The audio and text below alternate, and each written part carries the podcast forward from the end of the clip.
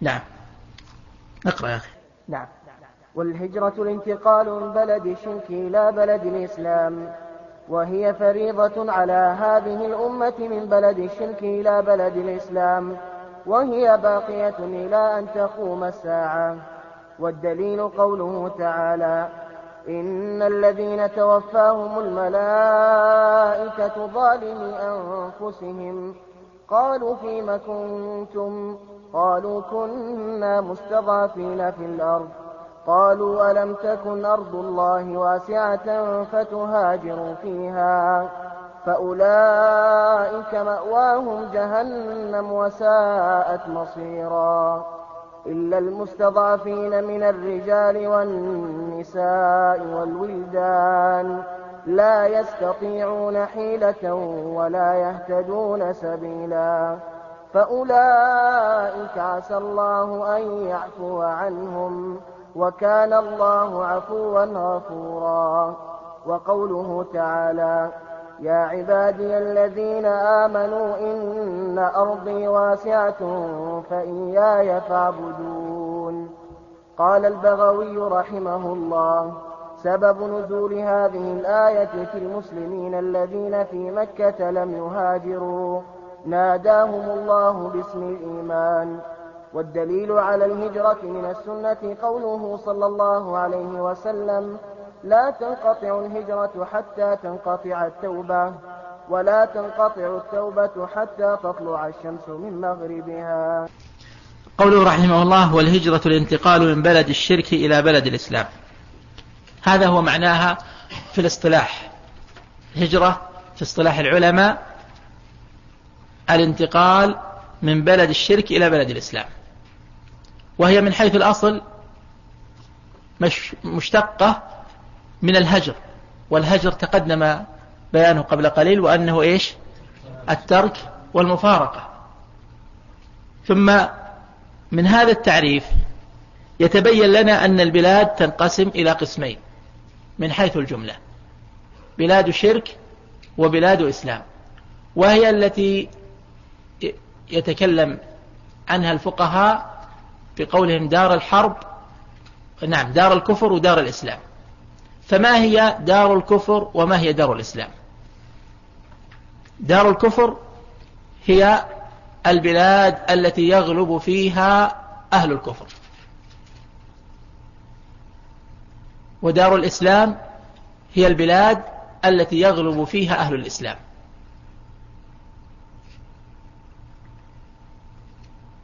هذا هو أجود ما قيل في بيان دار الكفر ودار الإسلام. دار الكفر هي التي يغلب فيها أهل الكفر ودار الإسلام هي التي يغلب فيها أهل الإسلام. وهناك من الدور ما يتعذر وصفه بكفر أو إسلام. وهي الدور التي يختلط فيها المسلمون بالكفار اختلاطا لا يمكن أن يوصف المكان بأنه دار كفر ولا يمكن أن يوصف بدار إسلام.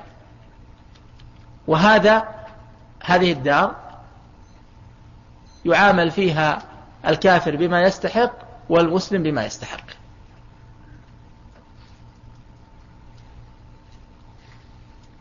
قال المؤلف رحمه الله والهجرة فريضة على هذه الأمة من بلد الشرك إلى بلد الإسلام. فأفادنا رحمه الله أن الهجرة واجبة على أهل الإسلام من بلد الشرك إلى بلد الإسلام. واعلم أن الهجرة منها ما هو واجب ومنها ما هو مستحب. الهجرة الواجبة هي في حق من لم يستطع أن يقوم بشعر الدين. يعني المسلم الذي في بلاد الكفر ولا يتمكن من إظهار دينه فإنه يجب عليه أن يهاجر إن استطاع. ففهمنا أن الهجرة الواجبة لها شرطان. الشرط الأول عدم التمكن من إظهار شعائر الدين. ما يستطيع أن يقيم دينه. الثانية أو نعم الشرط الثاني أن يكون مستطيعا. وهذا سيتبين من الآية والدليل الذي ساقه المؤلف رحمه الله. أما الهجرة المستحبة فهي الهجرة من المكان الذي ينقص فيه دين الإنسان.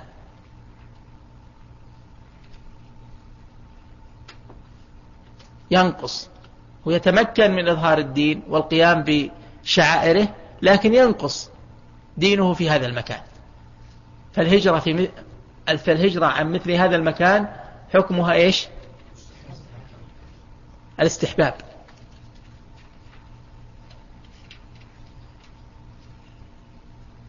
سواء كانت دار كفر أو كانت دار فسق.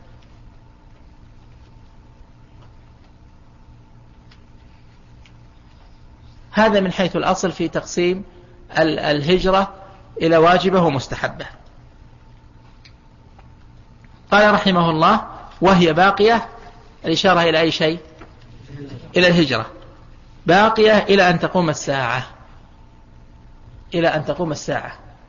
وذلك لما سيذكره من دليل في قوله لا تنقطع الهجرة, لا تنقطع الهجرة حتى تنقطع التوبة. وهذا يفيد استمرار الهجرة. استدل رحمه الله على وجوب الهجرة قال والدليل قوله تعالى إن الذين توفاهم الملائكة ظالمي أنفسهم. بأي شيء؟ ظلموا أنفسهم بالبقاء بين ظهراني المشركين مع إمكان الهجرة. وتعذر إقامة الدين. قالوا فيما كنتم؟ قالوا كنا مستضعفين في الأرض. فإذا كانوا مستضعفين في الأرض هذا يفيدنا أنهم لا يتمكنون من أي شيء؟ من إظهار شاعر الدين. قالوا ألم تكن أرض الله واسعة فتهاجروا فيها؟ هذا جواب الملائكة على اعتذارهم في أنهم مستضعفون. قال فأولئك مأواهم جهنم وساءت مصيرا. هذا حكم الله فيهم. مأواهم أي مصيرهم ومآلهم. جهنم وساءت مصيرا نعوذ بالله منها. ثم استثنى فقال إلا المستضعفين ثم بين من هم, من هم. وهذا فيه الدليل على الشرط الثاني وهو القدرة على الهجرة. إلا المستضعفين من الرجال والنساء والولدان الذين لا يستطيعون حيلة لا يستطيعون.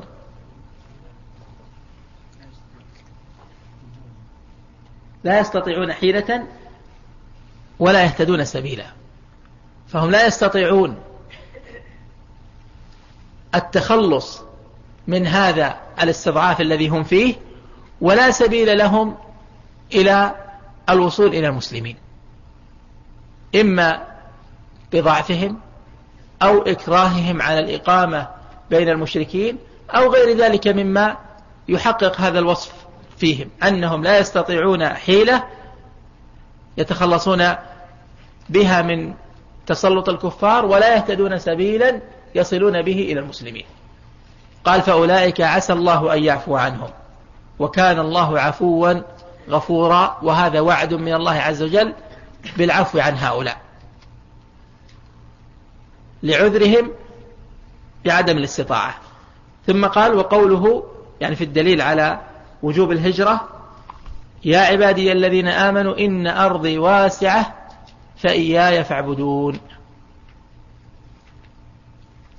إن أرضي واسعة فإياي فاعبدون. أمر الله عز وجل هنا بالهجرة إذا تعذر إقامة العبادة في مكان أن يهاجر إلى أرض الله الواسعة. ليحقق العبادة. قال البغوي رحمه الله سبب نزول هذه الآية في المسلمين الذين في مكة لم يهاجروا ناداهم باسم الإيمان. وفهمنا من هذا أن ترك الهجرة كفر أو ليس بكفر. ترك الهجرة مع القدرة عليها. ليس بكفر إنما هو من المعاصي. فقوله فأولئك مأواهم جهنم وساءت مصيرا. هذه هذه عقوبة وليست جهنم التي يخلد فيها أهلها. نعم. قال والدليل على الهجرة من السنة قوله لا تنقطع الهجرة حتى تنقطع التوبة. ولا تنقطع التوبة حتى تطلع الشمس من مغربها. وعند ذلك لا ينفع نفسا إيمانها لم تكن آمنت من قبل أو كسبت في إيمانها خيرا. وهذا دليل استمرار الهجرة. طيب. هذا الحديث كيف يتفق مع قول النبي صلى الله عليه وسلم في الصحيح في الصحيحين لا هجرة بعد الفتح وإنما جهاد ونية أو ولكن جهاد ونية. يتفق أن الهجرة المنفية في حديث في حديث الصحيحين هي الهجرة المعهودة في زمانه وهي الهجرة من مكة إلى المدينة. وذلك أن أنه بالفتح تحولت مكة من من كونها دار كفر إلى دار إسلام. ولما صارت دار إسلام انتهى وجوب الهجرة منها أو استحباب الهجرة منها. وكذلك بقية الجهات في الجزيرة بالفتح سلمت للنبي صلى الله عليه وسلم. وأتى الوفود إليه صلى الله عليه وسلم مقرين بدعوته مستسلمين له صلى الله عليه وسلم. فقال لا هجرة بعد الفتح. وأما الهجرة من بلد الشرك إلى بلد الإسلام فهي مستمرة لقوله صلى الله عليه وسلم لا تنقطع الهجرة حتى تنقطع التوبة. وللعموم في قوله يا عبادي الذين آمنوا إن أرضي واسعة. وكذلك العموم في آه، في الآيات السابقة في في آيات سورة النساء. نعم. فلما استقر بالمدينة أمر ببقية شرائع الإسلام مثل الزكاة والصوم والحج والجهاد والأذان والأمر بالمعروف والنهي عن المنكر وغير ذلك من شرائع الإسلام. أخذ على هذا عشر سنين وبعدها توفي صلاة الله وسلامه عليه ودينه باق. وهذا دينه لا خير إلا دل الأمة عليه ولا شر إلا حذرها منه. والخير الذي دلها عليه التوحيد وجميع ما يحبه الله ويرضاه. والشر الذي حذرها منه الشرك وجميع ما يكرهه الله ويأباه. نعم. في قوله رحمه الله فلما استقر في المدينة أمر ببقية شرائع الإسلام مثل الزكاة والصوم والحج والأذان والجهاد والأمر بالمعروف والنهي عن المنكر وغير ذلك من شرائع الإسلام هذا واضح لمن عرف سيرة النبي صلى الله عليه وسلم. فإن الأمر بهذه الأشياء كان بعد الهجرة بعد الهجرة إلى المدينة. ولكن ينبغي أن, أن يفهم أن النبي صلى الله عليه وسلم لم تنقطع دعوته إلى التوحيد إلى آخر حياته صلى الله عليه وسلم. فإنه كان يدعو إلى التوحيد وهو في الرمق الأخير صلى الله عليه وعلى آله وسلم. فمن ذلك أنه لعن اليهود والنصارى قبل وفاته بليالي. وقال لعنة الله على اليهود والنصارى اتخذوا قبور أنبيائهم مساجد. وكثير مما كان يأمر به صلى الله عليه وسلم من أمور التوحيد حصلت في المدينة لا سيما في مكملات التوحيد. مع استمرار دعوته إلى التوحيد فيها يعني إلى أصل التوحيد وإخلاص العبادة لله عز وجل. ولكن أتت الأمور أتى الأمر بالشرائع في المدينة لأن الذين سلموا له بالتوحيد احتاجوا إلى تكميله بالعمل الصالح. فدعاهم إلى ما أمره الله عز وجل أن يدعوهم إليه من شرائع الإسلام. نعم. ثم قال وتوفي صلاة الله وسلامه عليه ودينه باق. وهذا فيه الإشارة إلى أن بقاء الدين ليس مرتبطا بحياته صلى الله عليه وعلى آله وسلم. وفيه أنه صلى الله عليه وسلم توفي وهذا أمر مجمع عليه. دل عليه الكتاب والسنة كما سيأتي بيانه. بالأدلة من كلام الشيخ رحمه الله. وهذا خلاف خلافا لما يزعمه غلاة الصوفية الذين يقولون إنه لم يمت صلى الله عليه وسلم. وهذا كذب وافتراء وتكذيب لما ثبت ثبوتا قطعيا. في كتاب الله عز وجل وفي سنة النبي صلى الله عليه وسلم وأجمعت, وأجمعت عليه الأمة. وبقاء الدين لا إشكال فيه. قال الله جل وعلا إنا نحن نزلنا الذكر وإنا له لحافظون. وحفظه بحفظ أهله. فالله عز وجل تعهد بحفظ هذا الدين. ولا يمكن أن يحفظ هذا الدين إلا بحفظ أهله. ولذلك قال النبي صلى الله عليه وسلم لا تزال طائفة من أمتي على الحق ظاهرين لا يضرهم من خالفهم ولا من خذلهم حتى تقوم الساعة أو حتى يأتي أمر الله. وقوله لا خير إلا دل الأمة عليه ولا شر إلا حذرها منه فلا إشكال في هذا. ففي الصحيح, ففي صحيح مسلم من حديث عبد الله بن عمر رضي الله عنه قال قال رسول الله صلى الله عليه وسلم إنه لم يبعث الله نبيا قبلي إلا كان حقا عليه أن يدل أمته على خير ما يعلمه لهم وأن يحذرها أو أن يحذرهم من شر عن من شر ما يعلمه لهم. هذا في الأنبياء قبله. وأما هو فله من ذلك النصيب الأوفى والحظ الأوفى لأنه أنصح الخلق لأمته صلى الله عليه وعلى آله وسلم. لقد جاءكم رسول من أنفسكم عزيز عليه ما عنتم حريص عليكم بالمؤمنين رؤوف رحيم. فجزاه الله عنا خير ما جزى نبيا عن أمته. ثم قال والخير الذي دلها عليه التوحيد وجميع ما يحب آه وجميع ما يحبه الله ويرضاه والشر الذي حذرها عنه الشرك وجميع ما يكرهه الله ويأباه. وابتدأ بالتوحيد لأنه أعظم ما أمر به في الخير وابتدأ بالشرك في الشر لأنه أعلى ما يحذر ويخاف منه. نعم. بعثه الله إلى الناس كافة وافترض طاعته على جميع الثقلين الجن والإنس. والدليل قوله تعالى قل يا أيها الناس إني رسول الله إليكم جميعا. وأكمل الله به الدين. والدليل قوله تعالى اليوم أكملت لكم دينكم وأتممت عليكم نعمتي ورضيت لكم الإسلام دينا. والدليل على موته صلى الله عليه وسلم قوله تعالى إنك ميت وإنهم ميتون. ثم إنكم يوم القيامة عند ربكم تختصمون. نعم. في هذا المقطع بيان أن النبي صلى الله عليه وسلم مبعوث إلى الناس كافة إلى جميعهم عربهم وعجمهم أبيضهم وأسودهم. كل الناس يجب عليهم الإيمان بالنبي صلى الله عليه وسلم. سواء كان من أهل الكتاب أو من غيرهم. فالواجب على كل من سمع بالنبي صلى الله عليه وعلى آله وسلم أن يؤمن به. ولا يسعه إلا ذلك. فإن النبي صلى الله عليه وسلم قال ما من أحد من هذه الأمة يهودي أو نصراني يسمع بي ثم لا يؤمن بي إلا ها إلا أدخله الله النار.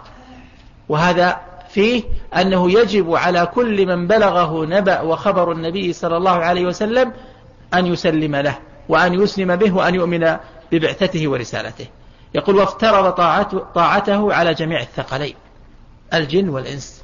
والثقلان جمع ثقل والثقل يطلق في لغة العرب على الشيء النفيس الذي له قيمة. فسمي هذان الجنسان بهذا الاسم لمكانتهما وشرفهما. قال الدليل والدليل على نعم والدليل على ما تقدم. قوله تعالى قل يا أيها الناس إني رسول الله إليكم جميعا. الدلالة على أن النبي صلى الله عليه وسلم مبعوث إلى كافة الناس. لقوله قل يا أيها الناس خطاب لجميعهم. إني رسول الله إليكم جميعا. وهذا العموم في قوله يا أيها الناس أكد بقوله جميعا. وأما الجن فما الدليل على أنه مبعوث للجن؟ قوله تعالى وما أرسلناك إلا رحمة للعالمين. من يبين وجه الدلالة؟ نعم العالمين والجن من العالم. طيب العالمين يدخل فيهم الملائكة؟ فهو رسول للملائكة. كيف أجل؟ طيب كيف تجيب على هذا؟ وما أرسلناك إلا رحمة للعالمين. يعني يقال هذا من العام الذي أريد به الخصوص. هذا من العام الذي أريد به الخصوص. لأنه معلوم قطعا أنه لم يرسل إلى الملائكة. معلوم قطعا أنه لم يرسل إلى الملائكة. طيب هل فيه دليل خاص يدل على أنه مبعوث إلى الجن؟ أحسنت. آية الأحقاف وفيها أن الله صرف إليه نفرا من الجن وكان آخر ما قالوا أو وكان مما قالوا لما رجعوا إلى قوم يا قومنا أجيبوا داعي الله. فلم يكن هذا منهم إلا لما علموا أنهم مخاطبون بهذه الرسالة. ولا إشكال في هذا. فالأمة مجمعة على أن النبي صلى الله عليه وسلم مبعوث إلى الجن كما هو مبعوث إلى عامة الإنس صلى الله عليه وعلى آله وسلم. قال وكمل به الدين وكمل الله به الدين. ودليل ذلك اليوم أكملت لكم دينكم وأتممت عليكم نعمتي ورضيت لكم الإسلام دينا. وهذا واضح في أن النبي صلى الله عليه وسلم قد كمل الدين. وأن كل من زاد فقد افترى على الله كذبا وقال عليه بغير علم. لأن الله عز وجل قال أكملت لكم دينكم. فمن استدرك بزيادة أو ببدعة فإنه كالقائل إن الله عز وجل لم يكمل لنا الدين أي لم يكمل لنا العمل الذي نتقرب ونتعبد به له سبحانه وتعالى. ثم قال والدليل على موته صلى الله عليه وسلم قوله إنك ميت وإنهم ميتون وهذا أمر واضح كما ذكرنا في الكتاب والسنة وإجماع الأمة عليه. ثم قال والناس إذا ماتوا يبعثون والدليل قوله تعالى منها خلقناكم وفيها نعيدكم ومنها نخرجكم تارة أخرى. وقوله تعالى والله أنبتكم من الأرض نباتا ثم يعيدكم فيها ويخرجكم إخراجا. وبعد البعث محاسبون ومجزيون بأعمالهم. والدليل قوله تعالى ولله ما في السماوات وما في الأرض ليجزي الذين أساءوا بما عملوا ويجزي الذين أحسنوا بالحسنى. ومن كذب بالبعث كفر والدليل قوله تعالى زعم الذين كفروا أن لن يبعثوا. قل بلى وربي لتبعثن ثم لتنبؤن بما عملتم وذلك على الله يسير. وأرسل الله جميع الرسل مبشرين ومنذرين. طيب. هذا المقطع فيه تقرير ما أجمعت عليه الرسل وهو الإيمان باليوم الآخر. الإيمان باليوم الآخر. وهذا من المؤلف رحمه الله. يعني انتهى الآن ذكر الأصول الثلاثة التي يجب على كل مسلم تعلمها. ختم الرسالة رحمه الله بذكر الأصول الثلاثة التي أجمعت الرسل على الدعوة إليها وهي التوحيد الإيمان بالله عز وجل والإيمان باليوم الآخر والإيمان بالرسل. ويضاف إلى إلى هذه الثلاث رابع وهو العمل الصالح. فإن الرسل جاءت بالدعوة إلى الإيمان بالله وإلى الإيمان باليوم الآخر وإلى العمل الصالح. ومن لازم مجيئها الإيمان بالرسل أيضا. طيب يقول رحمه الله والناس إذا ماتوا يبعثون والبعث هو الخروج من القبور ليوم البعث والنشور. وذلك أن الناس إذا ماتوا بعثهم الله عز وجل من قبورهم ليوافوا, بأعمالهم. والدليل قوله تعالى منها خلقناكم وفيها نعيدكم ومنها نخرجكم تارة أخرى. وقوله والله أنبتكم من الأرض نباتا ثم يعيدكم فيها ويخرجكم إخراجا. وهذا أمر مجمع عليه لا خلاف بين أهل الإيمان قديمهم وحديثهم فيه. يعني هذا أمر أجمعت عليه الرسل. فمن كذب به أو أنكره فإنه كافر كما سيأتي في كلام المؤلف رحمه الله. والبعث الذي تؤمن به الرسل ودعت الرسل إلى دعت الرسل أقوامهم إلى الإيمان به هو بعث الأرواح والأجساد.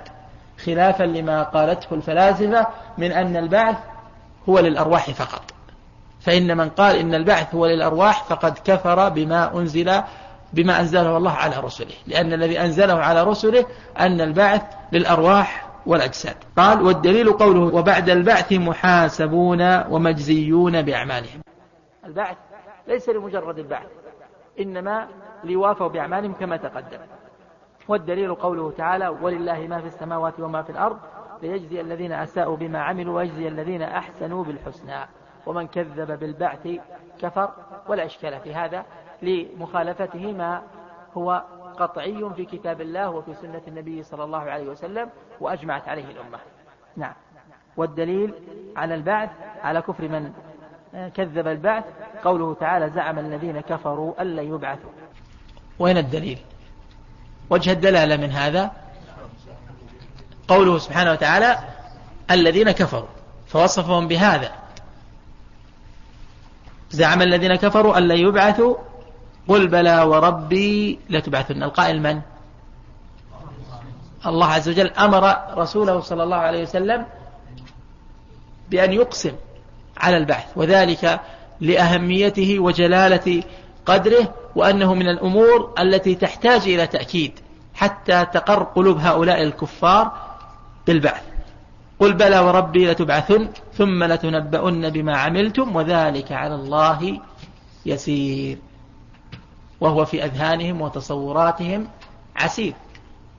ومن هذا نفهم أنه إنما أنكر من أنكر البعث بسبب طعنه في قدرة الله عز وجل.